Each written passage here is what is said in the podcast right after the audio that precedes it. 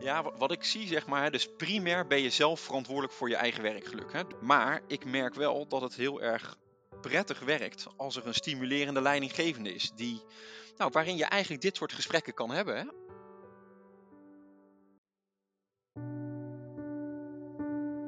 Een burn-out en nu? Ben je helemaal opgebrand en denk je hoe nu verder? Dan is dit jouw podcast. Welkom bij de podcast Een Burn-out en nu? Waarin ik, Anne Lindenkamp, in gesprek ga met mensen die net als ik een burn-out hebben gehad met de vraag hoe was die periode nou voor jou? En ik deel mijn zoektocht naar verschillende coaches en therapeuten die jou kunnen helpen om weer uit je burn-out te komen.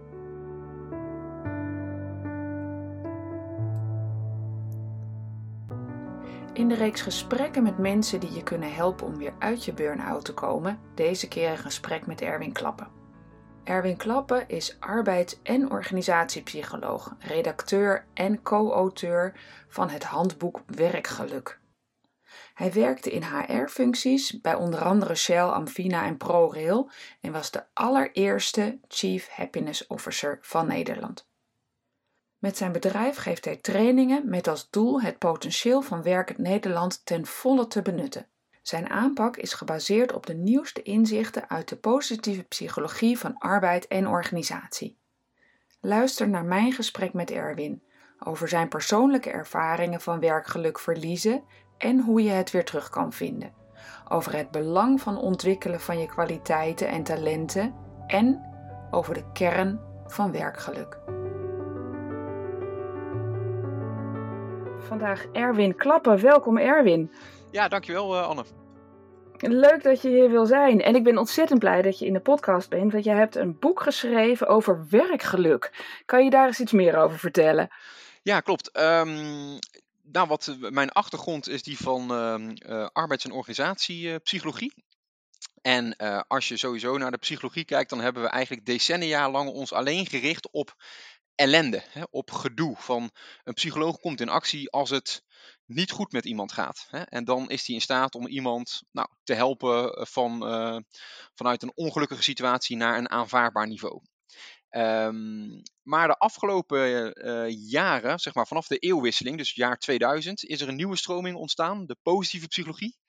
En uh, die zijn zich dus veel meer gaan richten op de andere kant van het verhaal. Dus als we kijken bijvoorbeeld nu naar de doelgroep burn-out, dan zou je kunnen zeggen, nou, we weten veel van wat een burn-out is en hoe je mensen daarbij weer kan gaan helpen.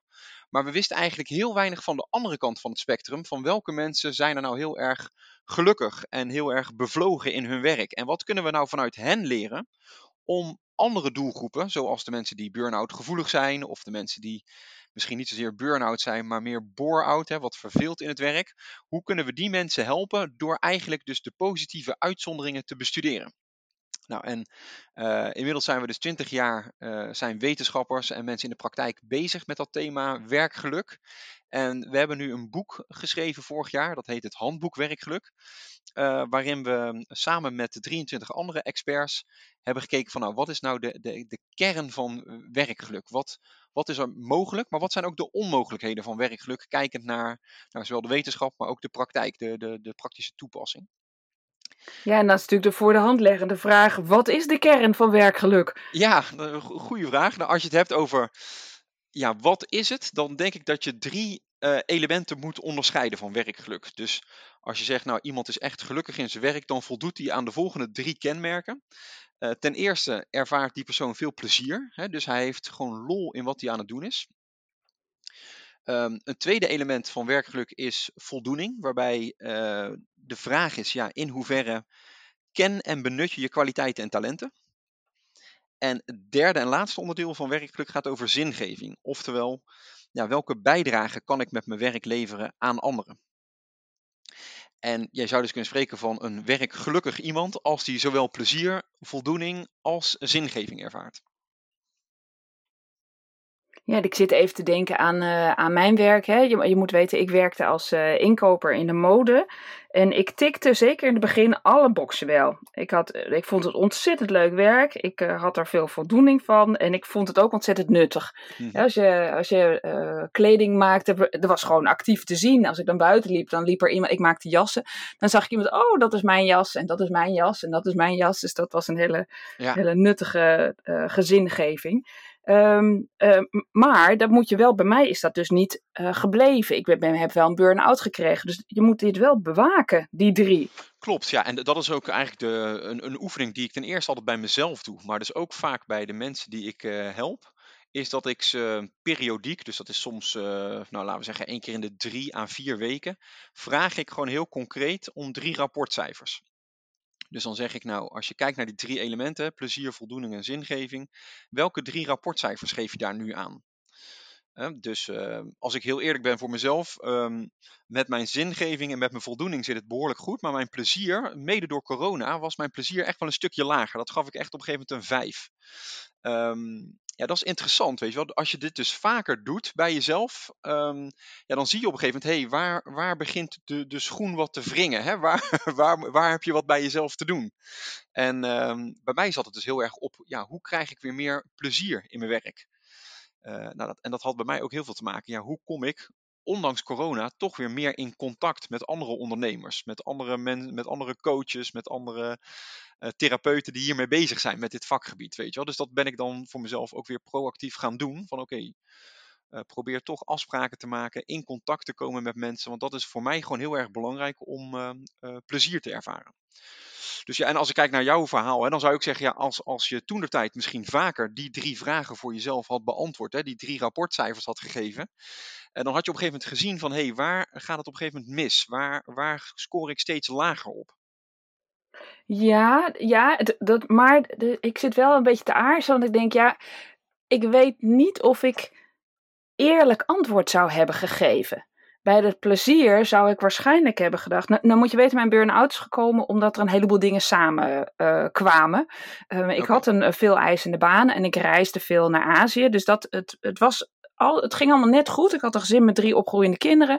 Dus het ging allemaal net goed, zodat het nog net allemaal in balans en leuk was. Maar toen hadden wij ons droomhuis gekocht, waar 70 jaar niks gebeurd was. Dus er moest een gigantische verhuizing, een verbouwing. En daarnaast ook een gigantische verhuizing. Want we hadden 20 jaar ergens gewoond. En dat moest natuurlijk naar dat nieuwe huis. Um, dus dat kwam net op die drukke baan te liggen. Waardoor het dus, wat vroeger altijd net goed was, ging ik met mijn perfectionisme nog even een perfecte verbouwing ging doen. En ook nog even een perfecte verhuizing. Oh ja, en ik ging in de maand voordat wij gingen verhuizen ook nog twee keer naar China. Dus ik ging ook nog dat met een jetlag en al doen.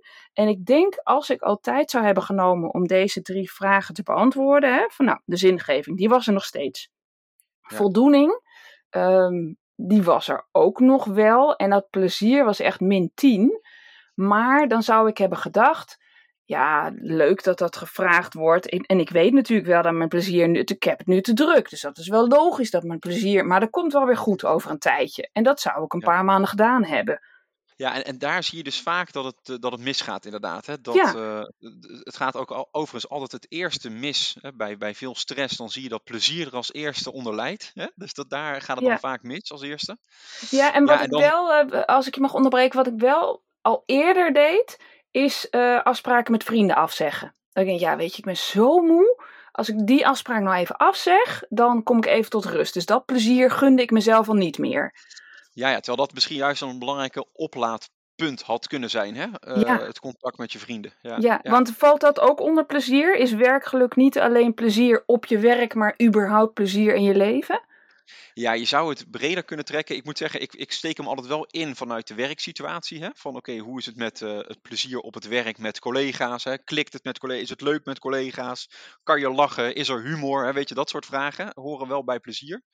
Um, maar al snel al pratende, zeker als er een sfeer van uh, vertrouwen en veiligheid is, ja, dan gaan mensen breder praten. En dan gaan ze het ook hebben over hoe is de privésituatie. Hè? En um, um, en dan kom je op een gegeven moment dus ook op uh, knelpunten. Hè? En dat is precies wat jij net ook al zegt: van ja, ik, ik ben wel heel erg perfectionistisch van aard. Ja, ik weet trouwens niet of je zegt heel erg, maar je zijn in ieder geval perfectionistisch. Nou, ik, ik durf wel heel erg te zeggen. Of dat zeggen, ik, heb, ik heb perfectionistische trekjes in me. En naarmate ik uh, uh, gevoel heb dat ik minder controle heb, ga ik dus op zoek naar controle. En dat, dan breidt dat perfectionisme enorm uit. Ja, kijk, dat zijn voor mij altijd uh, als, als coach zijn dat hele interessante uh, thema's, vind ik. Hè? Want daar zit natuurlijk ook een deel van, uh, waarschijnlijk een deel van de oorzaak. Um, van hè, het huis moet perfect verbouwd worden, in jouw geval. Hè? Dat, ja. daar, leg je, daar leg je de lat waarschijnlijk heel erg hoog. Zeker. Maar de kans is heel hoog dat je die lat op alle levensterreinen heel hoog legt. Hè? Dus ook op werkgebied moet alles een 10 zijn. Um, en nou, zo zou je misschien alle facetten dus af kunnen gaan. Ja, en dan is het dus heel interessant om te kijken, kan het ook af en toe een 8 zijn in plaats van een 10? Hè? Of, of moet het inderdaad altijd uh, 100% zijn? Dus, dus dat is zeg maar dan eventjes een haakje waar je uh, mee aan de slag kan gaan. Zeker, hè, dus ik zeg nou, op, op het eerste gebied zie je dat vaak, dus bij plezier zie je het wat misgaan. Nou, en dan zou ik dus wel wat gaan doorvragen van, hey, hoe zit het dan? Hè? Hoe zit dat met het plezier? Waarom, scoor je dat nu, waarom scoort dat nu wat lager? En uh, nou, vaak zit er dus een oorzaak in het karakter van de mens. Hè? Dus in de persoonlijkheid. In dit geval bijvoorbeeld het perfectionisme. Dat is natuurlijk een, hart, is een hartstikke mooie eigenschap. Zolang het gewoon gezond perfectionisme is. Hè? We willen natuurlijk gewoon graag dingen zo goed mogelijk doen. Daar is niks mis mee. Maar het kan uh, ongezond perfectionistisch worden als je het ook gaat koppelen aan je eigen waarde. Hè? Dus ja, ik maak een fout en daardoor ben ik niks meer waard, bijvoorbeeld. Hè? Dat, dat is een ongezonde manier van perfectionisme. Um, ja, waarbij het wel goed is om dat in ieder geval je bewust te worden van, hey, kloppen de gedachten nou die ik heb over mezelf? Is, dat, uh, is dat nou een reële gedachte of is het ook wat irreëel? Ja, en ik moet je eerlijk zeggen, daar kwam ik pas later achter. De, nu met terugwerkende kracht ik naar die burn-out kijk, denk ik, ja, dit was helemaal niet meer reëel. Zo goed als ik wilde zijn, dat, dat onmenselijk verwachtte ik voor mezelf. En als je dan iedere keer die verwachting niet haalt, dat, uh, dat gaf ook wel de voldoening van de, van de werkdag, nam daardoor, nam daardoor wel degelijk af. Ja, ja, exact. En vaak, hè, de, en dat is ook wat ik vaak wel zie, dus als je nou op een gegeven moment gaat zeggen, hè, 80 is krachtig, hè, of ja. in, plaats, in plaats van 100. Ja. Um, en je gaat daarmee experimenteren. En dat is natuurlijk super moeilijk voor iemand die heel perfectionistisch is. Van nou, ik ga de lat gewoon een tijdje wat lager leggen. Um, en dan is het gewoon leuk als je dat aandurft. Ja, hoe bevalt dat dan? Hè? Vaak is de ervaring, valt het wel mee. En zie je van, oh ja, het kan ook het kan ook net even, de, la, de lat kan voor mezelf en voor de ander, als ik die iets lager leg, dan heeft dat niet gelijk desastreuze gevolgen. Hè, maar ja, dat is dus net even de, de klik, de knop die je op tijd moet maken. Van hey, kan ik, kan ik inderdaad mijn gedachten wat. Uh, en dus ook de lat wat bijstellen naar beneden. Ja, ja, ik zou dan direct denken, oh, dan moet ik wel even tegen mijn baas zeggen. Of hè, mijn leidinggevende moet ik even in dit plan uh, betrekken. En is dat ook de reden waarom jij je echt meer richt op uh, leidinggevende en uh, HR-directeuren zelfs, hè?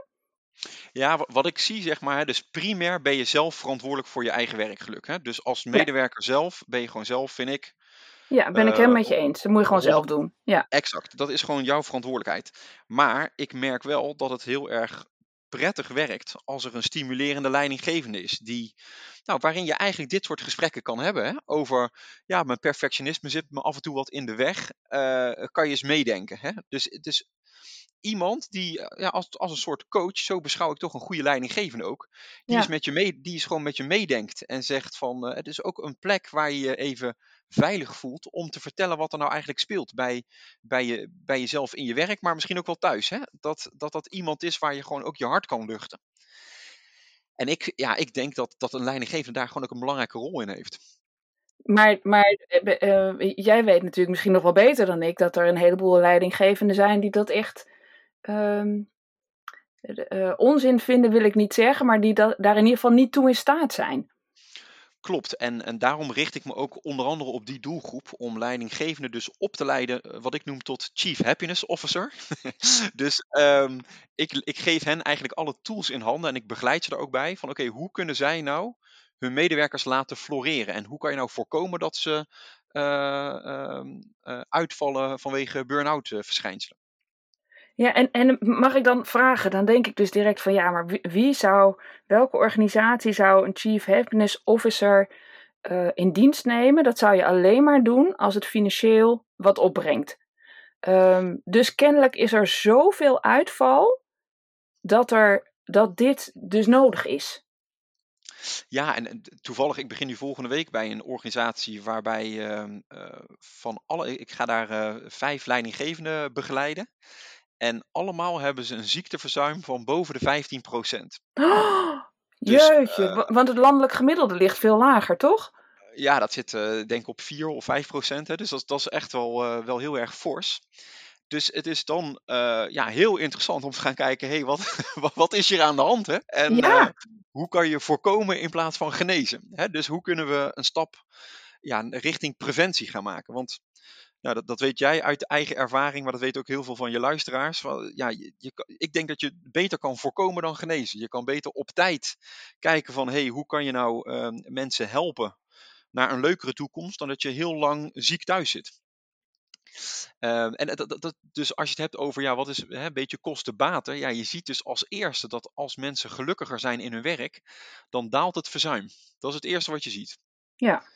We hebben zelf uh, meer dan duizend mensen bij een ziekenhuis getraind. En uh, toen hadden we daar, zagen we al ook heel snel uh, dat de afdelingen die we gingen trainen, ten opzichte van de afdelingen die we niet gingen trainen hierin, Ehm, dat daar een daling van 2,35% in het verzuim was. Dus dat is, ja, als je dat doorrekent zeg maar, voor de hele organisatie, zat je al op een besparing van 1,6 miljoen. Uh, dus ja, daar, daar, alleen al daarvoor is er heel wat te zeggen om uh, ja, te investeren in werkgeluk, kan je zeggen. Hè? Om, om, om uitval te voorkomen. ik ben zelf bij dat ziekenhuis eh, gewoon in dienst geweest hè, als HR-adviseur. Eh, ja. En uh, ik zat naast de bedrijfsarts en naast de bedrijfsmaatschappelijk werk, zeg maar echt fysiek qua, qua kamer. Ja. En um, de, de wachtkamer, die, die pelde uit van de, de medewerkers in dat ziekenhuis. Dus uh, de bedrijfsarts en de bedrijfsmaatschappelijke werker, die zaten tot hun oren in het werk. ja. uh, zo druk hadden ze het, met, met heel veel me medewerkers die het gewoon niet meer aankonden toen ben ik, uh, nou, mede ook door natuurlijk mijn, mijn afstudeeronderwerpen, ik heb het dus gericht op bevlogenheid stimuleren in de organisatie. Toen ben ik met uh, de directeur HR gaan praten van, goh, ik, ik loop hier nu een paar maanden rond en ik zie die, die, die wachtkamer. Ik zeg, zijn wij niet op een hele onverstandige manier hier bezig door de hele tijd pas in actie te komen als het te laat is? Dus en, ja, en dan kom je bij de bedrijfsarts, dan kom je bij de bedrijfsmaatschappelijk werker. Ik zeg, waarom gaan we niet een stap eerder in actie komen? Waarom gaan we niet de mensen helpen die nu nog gewoon prima functioneren, um, zodat we kunnen voorkomen dat ze hier terechtkomen? Nou ja, en zo, zodoende zijn we eigenlijk uh, gaan opschuiven van. Natuurlijk hè, blijven er, blijft er altijd de noodzaak om mensen te helpen die al zijn uitgevallen of dreigen uit te vallen. Maar we hebben er een, een tak voor gezet, zou je kunnen zeggen. Waarbij we juist mensen gaan, gaan helpen om meer werkgeluk, weer meer plezier in werk te ervaren om daarmee dus ook aan de achterkant te voorkomen dat mensen gaan uitvallen. Ja, en ik denk nu terug aan mijn eigen burn-out. Dat de laatste, als het de laatste week was gebeurd, uh, hè, als er toen gewerkt zou zijn aan mijn werkgeluk, dan zou ik echt gedacht, hadden, uh, gedacht hebben van ja, weet je, iedereen moet leuk dat werkgeluk gaan doen, maar ik heb nu even geen tijd, want ik ben te druk. Ja. Ehm, dus dan zou je me niet meer bereikt hebben. Maar als het een maand, twee, drie daarvoor zou zijn geweest. Um, ook dat ik het gevoel had dat ik dingen die, ik, die in me omgingen, dat ik dat kon delen op mijn afdeling zonder dat dat consequenties zou hebben. Um, dat zou me wel een hoop rust gegeven hebben, denk ik. Ja, inderdaad. Kijk, je hebt die bekende metafoor van um, die, die houthakker. Hè? Ik weet niet of je die kent. Er zijn twee mensen in het bos aan het, aan het hout hakken. En die ene persoon zegt, joh, zullen we even pauzeren? En uh, die andere houthakker zegt, nee joh, ik moet nog zoveel bomen omhakken, ik ga door. Dus ik neem geen pauze. En die, die houthakker die wel pauze neemt, die gebruikt die tijd om even, nou natuurlijk zijn boterham te eten, maar ondertussen ook om zijn bel bij te slijpen. Waardoor die daarna ja, twee keer zo snel uh, uh, en veel meer bomen kan doorhakken dan diegene die geen pauze neemt. Zo is het ook met werkgeluk. Van neem je op een gegeven moment heel even de tijd om je bel uh, te slijpen of blijf je doorhakken met een botte bel? Ja, ik, ik ben van die botte bel en dat ging natuurlijk helemaal verkeerd. Ja, en, en dat is de tragische, hè? Dus dat, dat je on- te laat of eh, ja, toch, ja, hè, wat je zegt, hè, misschien zelf al te druk bent. Terwijl je juist die personen hebben het ontzettend nodig om even stil te staan. Om even de bel te slijpen en te kijken van, hey, ben ik nog op de goede weg? Hè? Ben ik nog goed bezig? Ja. Of moet ik toch, of moet ik mijn dingen, dingen in mijn werk of dingen in mijn privé anders gaan aanpakken? Ja, en, en ik moet je eerlijk zeggen, ik zag het ook niet meer. Ik was zo aan het overleven dat ik het gevoel had, ik had geen keus, ik moet door. Dus dat, ja, ik, ik kon niet meer relativeren. Daar had ik precies wat jij nu zegt uh, wel iemand anders voor nodig. Hey, en Ja. in zo'n uh, zo'n training doe je dan ook oefeningen of hoe, hoe bereik je mensen? Ja, eigenlijk het, ehm, wat we, tenminste wat het is altijd mijn uitgangspunt, van je kan werkgeluk niet verplichten. Hè? Dus je kan niet tegen mensen zeggen, ja, je zal en je moet gelukkiger werken. Dus ik werk altijd op basis van vrijwilligheid. Dus het is meer eigenlijk verleiden in plaats van verplichten. En eh, ik begin met de mensen die willen. Die zeggen van, nou ja, dit komt voor mij op een goed moment. Ik merk inderdaad dat er wel winst te behalen is wat betreft mijn werkgeluk. Ehm, dus dat is een, denk ik een eerste voordat je überhaupt begint. Dat je kijkt wie wil. Ehm, en vervolgens zijn er eh, ja, ik een aantal stappen die ik altijd zet. De eerste is natuurlijk, hoe creëer je nou een sfeer van vertrouwen en veiligheid, waarin mensen ook echt hun verhaal gaan delen. Ehm, dat is natuurlijk een ontzettend belangrijke. Ehm, en vervolgens ga ik het echt hebben over de vraag waar we net al mee zijn- begonnen: van ja, hoe is het met je eigen werkgeluk? Hè? Dus hoe scoor je op dit moment als je kijkt naar die drie onderdelen van plezier, voldoening en zingeving? Welke cijfers geef je daar nu voor? En dan zien we eigenlijk al heel vaak dat er bij iedereen zit er wel altijd op één van die drie zit er een behoefte van ja, hier wil ik wat mee. Dus de een kan zeggen, nou, ik wil mijn plezier, dat wil ik omhoog, daar, daar wil ik iets mee. Dat score ik nu maar een, eh, een krappe vijf. Ik wil daar wel een zes of een zeven van maken. Bij de ander zit het veel meer op, ja, hoe kan ik nou mijn kwaliteiten en talenten, die, die mij energie geven, hoe kan ik die veel meer gaan inzetten? Eh, en dan zijn er weer mensen die zeggen: nee, ik wil echt met mijn zingeving aan de slag. Hè? Ik, wil, ik wil kijken hoe ik veel meer een bijdrage kan leveren aan andere mensen. Dus dat is eigenlijk een belangrijke oefening: dat we mensen inzicht geven in ehm, hoe scoor je op die drie elementen. Ja, en, en ik hoor je nu een paar keer kwaliteit zeggen. Dus het is eigenlijk wel belangrijk dat je je eigen kwaliteiten en je eigen talenten weet. Ja, abs- absoluut. Dat, ehm, dat, dat is een hele belangrijke als je het over je eigen werkgeluk hebt. Hè? Om jezelf te kunnen sturen naar meer werkgeluk is het heel belangrijk om te weten waar ben ik goed in? Wat, wat geeft me energie? Eh, waar zitten mijn kwaliteiten en talenten? Ja, absoluut.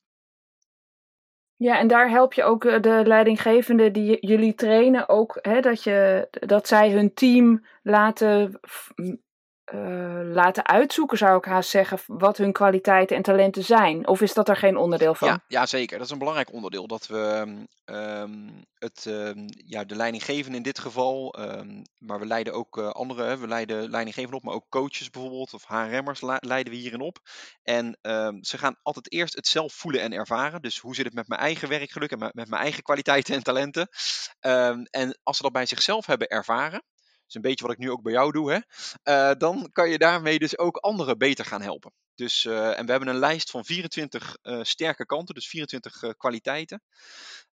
waar ze er eerst zelf zeven van gaan uitzoeken die het meest bij hen passen. Maar ze vragen ook in hun omgeving aan vier anderen om dat voor hen te doen. Van pak nou eens uit deze 24, pak daar nou eens de zeven meest kenmerkende van mij. wil je die selecteren? Dus dan krijgen ze eigenlijk vanuit verschillende hoeken krijgen ze feedback van hey, waar ben ik nou echt ontzettend goed in? En hoe kan ik dat dus ook in de toekomst, dat is dan de vervolgvraag, hoe kan ik dat meer gaan inzetten? Ja, ik moet je eerlijk zeggen, ik heb het zelf eh, gedaan, die eh, talenten uitzoeken en, eh, en ook mijn kernkwaliteiten. En voor mezelf was dat niet zo'n verrassing, maar toen heb ik ook dat briefje aan mijn man laten zien. En mijn lieve schat, die tre- streepte een paar van die dingen aan. En toen keek ik hem aan denk, echt, vind jij dat de kwaliteit? Vond ik een heel groot compliment dat hij dingen kwaliteit voor mij vond. En zie je dat vaker, dat mensen hun eigen kwaliteiten heel anders zien dan anderen hun kwaliteiten Ja, zien? en, daarom is het inderdaad ook dus, eh, mooi dat je dit voorbeeld aandraagt. Want daarom is het ook heel erg leuk dus om eh, mensen in verschillende, vanuit verschillende invalshoeken. Hè, dus inderdaad, een, een partner, eh, een kind, een collega, een, een, eh, een vriend of vriendin. Eh, dus dat je uit verschillende contexten vraag je mensen om voor jou die kwaliteiten te selecteren. En dan zie je inderdaad, en dat is precies ook de reden dat we het doen inderdaad, dat je ziet van hé, hey, wat ik van mezelf denk, hè, mijn eigen beeld, is weer heel anders dan hoe anderen naar mij kijken. Dus je krijgt eigenlijk een veel rijker beeld van al je kwaliteiten en talenten als je het ook aan anderen vraagt. Ja, en zodra je dat weet, kan je die weer inzetten in je plezier, voldoening en je zingeving. Exact. En dan met name op dat thema voldoening, daar, daar zit heel erg dat, uh, het, het inzetten en het benutten van je kwaliteiten en talenten. Ja.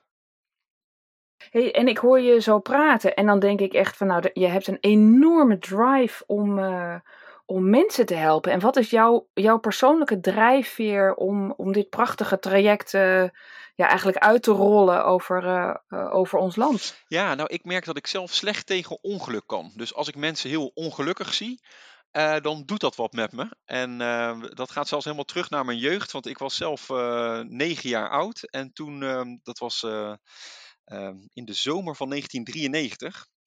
En toen kwam mijn vader op een dag thuis van zijn werk. En toen zag ik dat het, en met mij eigenlijk ook mijn moeder en mijn broer en mijn zus. Toen zagen we mijn vader binnenkomen in de keuken. En toen zagen we in één blik van het gaat helemaal mis met hem. Het is helemaal niet, hij is uh, hij zit er niet lekker in, om het zo maar even te zeggen. Och jee, uh, dus die kwam met een burn-out thuis, in ieder geval overspannen. Exact, ja, die kwam uh, overspannen thuis, dus hij was heel erg aan het transpireren, weet ik nog. En hij had ook een beetje een vreemde blik in zijn ogen. Ja, is ook moeilijk eigenlijk om onder woorden te brengen wat ik dan precies in zijn ogen zag. Maar je weet gewoon, de ogen, zijn ogen stonden niet goed. En ehm, hij ja. was heel zenuwachtig aan het krabben op zijn nagels, weet ik bijvoorbeeld nog allemaal van die raar, ja, van die signalen dat je denkt, dit klopt gewoon niet. Uh, en dat zeg maar ook als, als jonge jongen had ik het al wel in de gaten van, ja, dit, dit gaat niet goed. En uh, nou, bij hem leek het inderdaad overspannenheid of een burn-out. En, uh, maar helaas bleek later het misschien nog wel eens een tandje erger te zijn. En bleek die ehm, ehm, stressvolle werkomgeving bij hem een trigger voor manische depressiviteit. Dus hij heeft periodes gehad van manie, waarin hij eigenlijk de hele wereld aankon en eigenlijk ja, veel te actief was. Tot ook weer fases van zware depressies, waarin hij eigenlijk helemaal geen activiteit aankon. Dus het is echt een activiteitenstoornis, zou je kunnen zeggen, met of te veel of te weinig activiteit. Uh, maar soms werd, leidde dat ook, zeker in een manische toestand, dat hij moest worden opgenomen in een uh, psychiatrische inrichting, omdat hij uh, ja, eigenlijk gewoon helemaal buiten zichzelf trad op dat moment. Echt, echt uh, gewoon de, de, Ehm, de, de, de grip op de realiteit gewoon kwijt was. Dus ja, dat heeft er voor mij als jonge jongen wel ingehakt. Dat ik gewoon mijn vader naar een, een, een psychiatrische inrichting zag gaan. En daar soms ook een aantal maanden moest verblijven.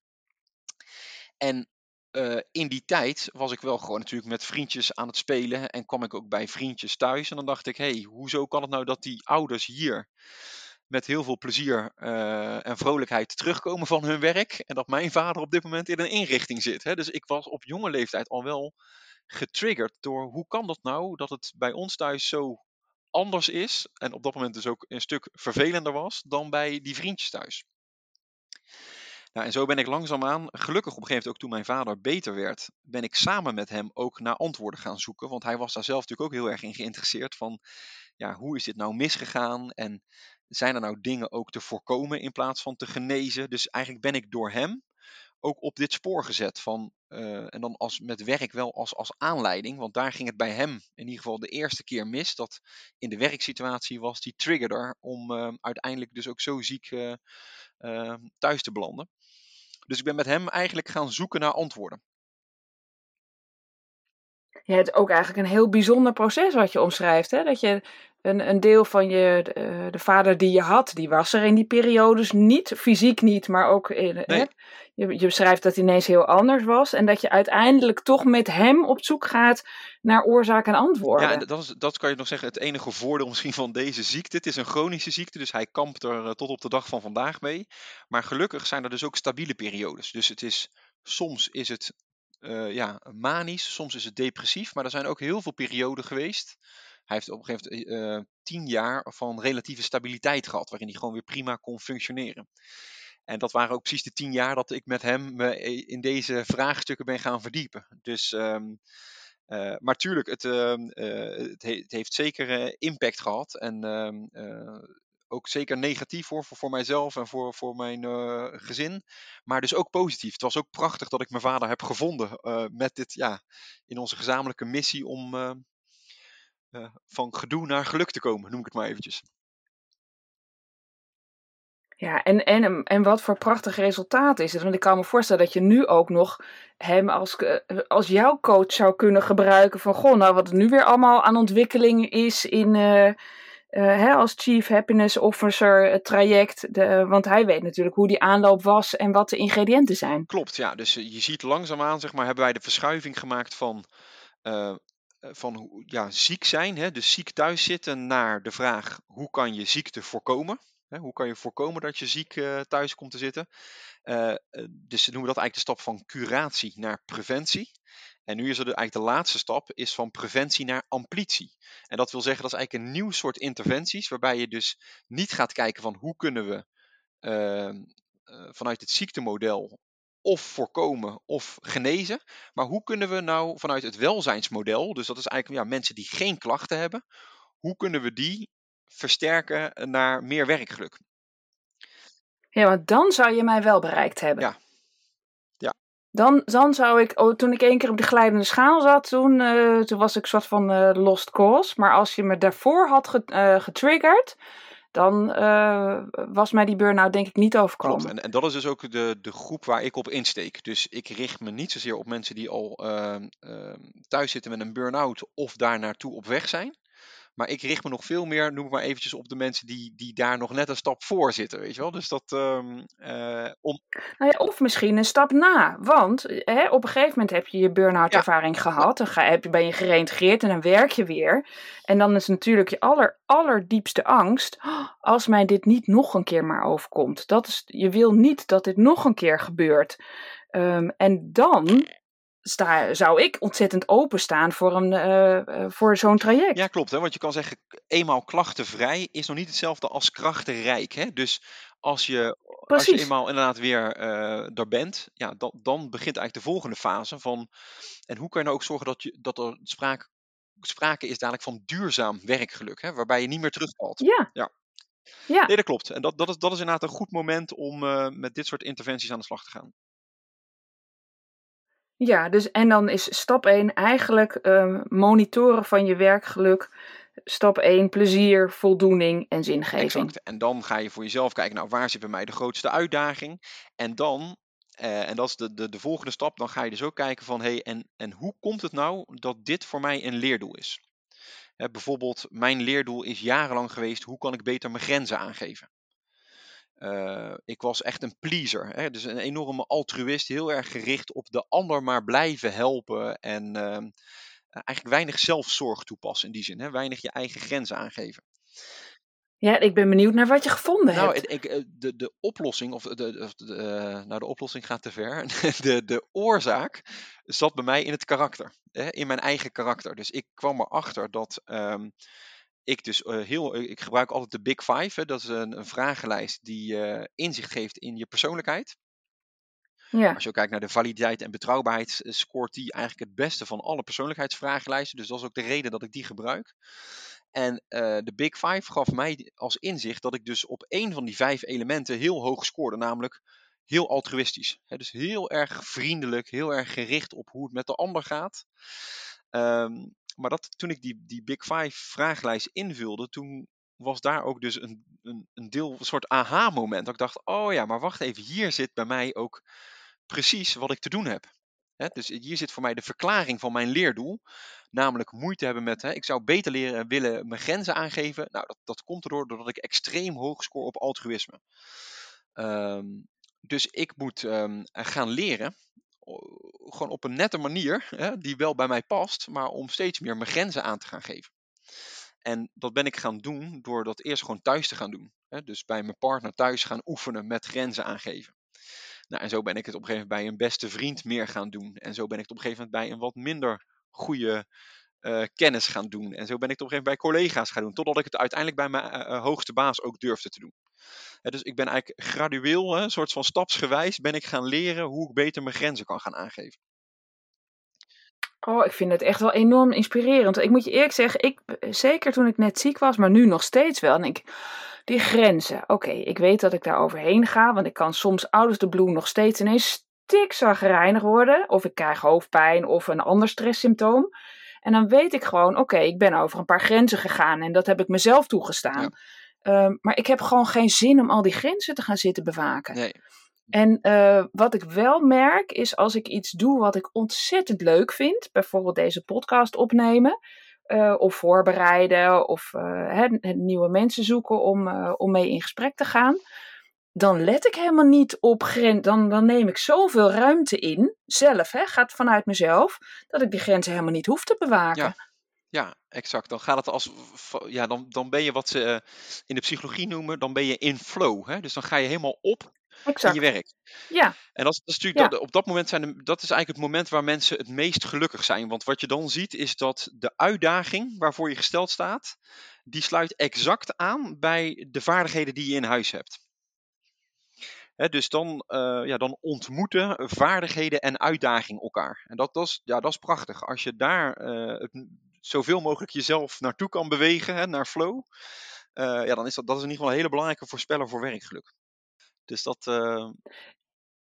Ja, en ik vind überhaupt grenzen aangeven blijft gewoon een ding en is uh, voor mij wel echt ook heel belangrijk. Dus ik ga zeker lering nemen uit uh, wat jij net vertelde. Hè? Dat je het eerst bij je partner probeerde en dan daarna bij een vriend en een kennis en dan daarna op je werk. Ja, er zijn, ook, die, er zijn ook mensen die zeggen, nou ik draai het liever om. Ik vind het bij mijn partner thuis doodeng om de grenzen aan te geven. Ik begin liever bij mijn baas. Hè? Dus dat kan ook nog. Oh ja, ja. En als we hem dan terugnemen naar de. Uh, ik ben. Uh, hè, de, ik heb mijn burn-out gehad en ik heb mijn reintegratietraject gehad en ik werk nu weer. Um, dan moet je natuurlijk ook gewoon je grenzen aangeven voor jezelf naar je. Nou, naar het team waar je weer in werkt, zodat het je niet nog een keer overkomt. Ja, tuurlijk. Hè, van hoe is je belastbaarheid? Ja, die zal niet gelijk 100% zijn. Hè? Dus nee. vergelijk het even met een voetballer die lang uh, uit de roulatie is geweest. Uh, de, vanwege een blessure, ja, die gaat eerst ook weer trainen. Hè? Eerst trainen zonder bal, dan trainen met bal. En dan is uh, een paar minuten meedoen in het tweede elftal. En dan op een gegeven moment een paar minuten meedoen in het eerste elftal. En nou ja, voordat je weer 90 minuten een voetbalwedstrijd kan spelen, ben je, ben je gewoon een tijdje verder. En dat is denk ik met iemand die gereïntegreerd is ook zo. Hè? Dat, dat vraagt gewoon om een zorgvuldig proces van opbouwen. Ja, en als het uh, proces één keer zorgvuldig is opgebouwd, dan nog moet je wel bij jezelf blijven en zelf je grenzen kunnen aangeven. Ja, natuurlijk. En dat is natuurlijk ook wat je wel vaak hoort van mensen die een burn-out hebben gehad. Dat ze zeggen, ja, het heeft me ook heel veel gebracht. Hè? Dus ik heb er ook heel veel van geleerd over mezelf. Ja. En uh, ja, dat is natuurlijk het mooiste om wel voor de geest te blijven houden. Van, hey, wat, wat zijn nou de belangrijkste inzichten, de be belangrijkste lessen die ik geleerd heb uit mijn burn-out? En hoe kan ik die nou meenemen in de toekomst? Hè, dat is voor de perfectionist bijvoorbeeld, nou, uh, de lat structureel lager gaan leggen voor mezelf en voor de ander. Dus uh, van een 10 naar een 8 gaan. Hè, of misschien soms van een 10 naar een 7. Hè, dus die, die lat gewoon structureel wat lager gaan leggen. Um, en eens kijken hoe dat werkt. En voor de ander is dat inderdaad beter toch leren mijn grenzen aan te gaan geven. Ja, dat is dus iets wat je ook na je burn-out heel scherp voor jezelf zal moeten houden. Want ja, je wil niet nog een keer dit meemaken. Nee, en dat monitoren van het werkgeluk kan daar natuurlijk enorm goed bij helpen. Ja, dat is een soort uh, temperatuurmeter. Hè? Die, uh, die, ja, je moet jezelf af en toe temperaturen, dat is het gewoon. Ja, geweldig. Wat een prachtige afsluiter. Erwin, mag ik je bedanken voor dit ontzettend inspirerende gesprek, wat mij echt enorm veel inzichten heeft gegeven. Nou, graag gedaan. Bedankt voor de uitnodiging, was leuk om te doen. En misschien nog uh, leuk voor degenen die nu luisteren en denken van, uh, we spraken over het handboek werkgeluk. Als ze mij eventjes een berichtje sturen via mijn LinkedIn pagina, Erwin Klappen. Um, en als ze eventjes een berichtje sturen met uh, alleen maar de, de term burn-out is voldoende, dan weet ik genoeg. Dan stuur ik even een aantal uh, hoofdstukken gratis op van, van ons handboek werkgeluk. Dat is, misschien leuk en daar gaan we het ook hebben over die drie lagen. Dat plezier, voldoening en zingeving. Dat komt ook allemaal terug in, um, uh, in die hoofdstukken die ik gratis beschikbaar stel. Dus dan um, bij deze de uitnodiging. Dankjewel. Gewoon een LinkedIn, Erwin Klappen zoeken en dan even een berichtje burn-out sturen. En ik zal in de show notes ook even de een uh, link naar jouw LinkedIn profiel zetten. Dan kunnen makkelijk uh, mensen doorklikken.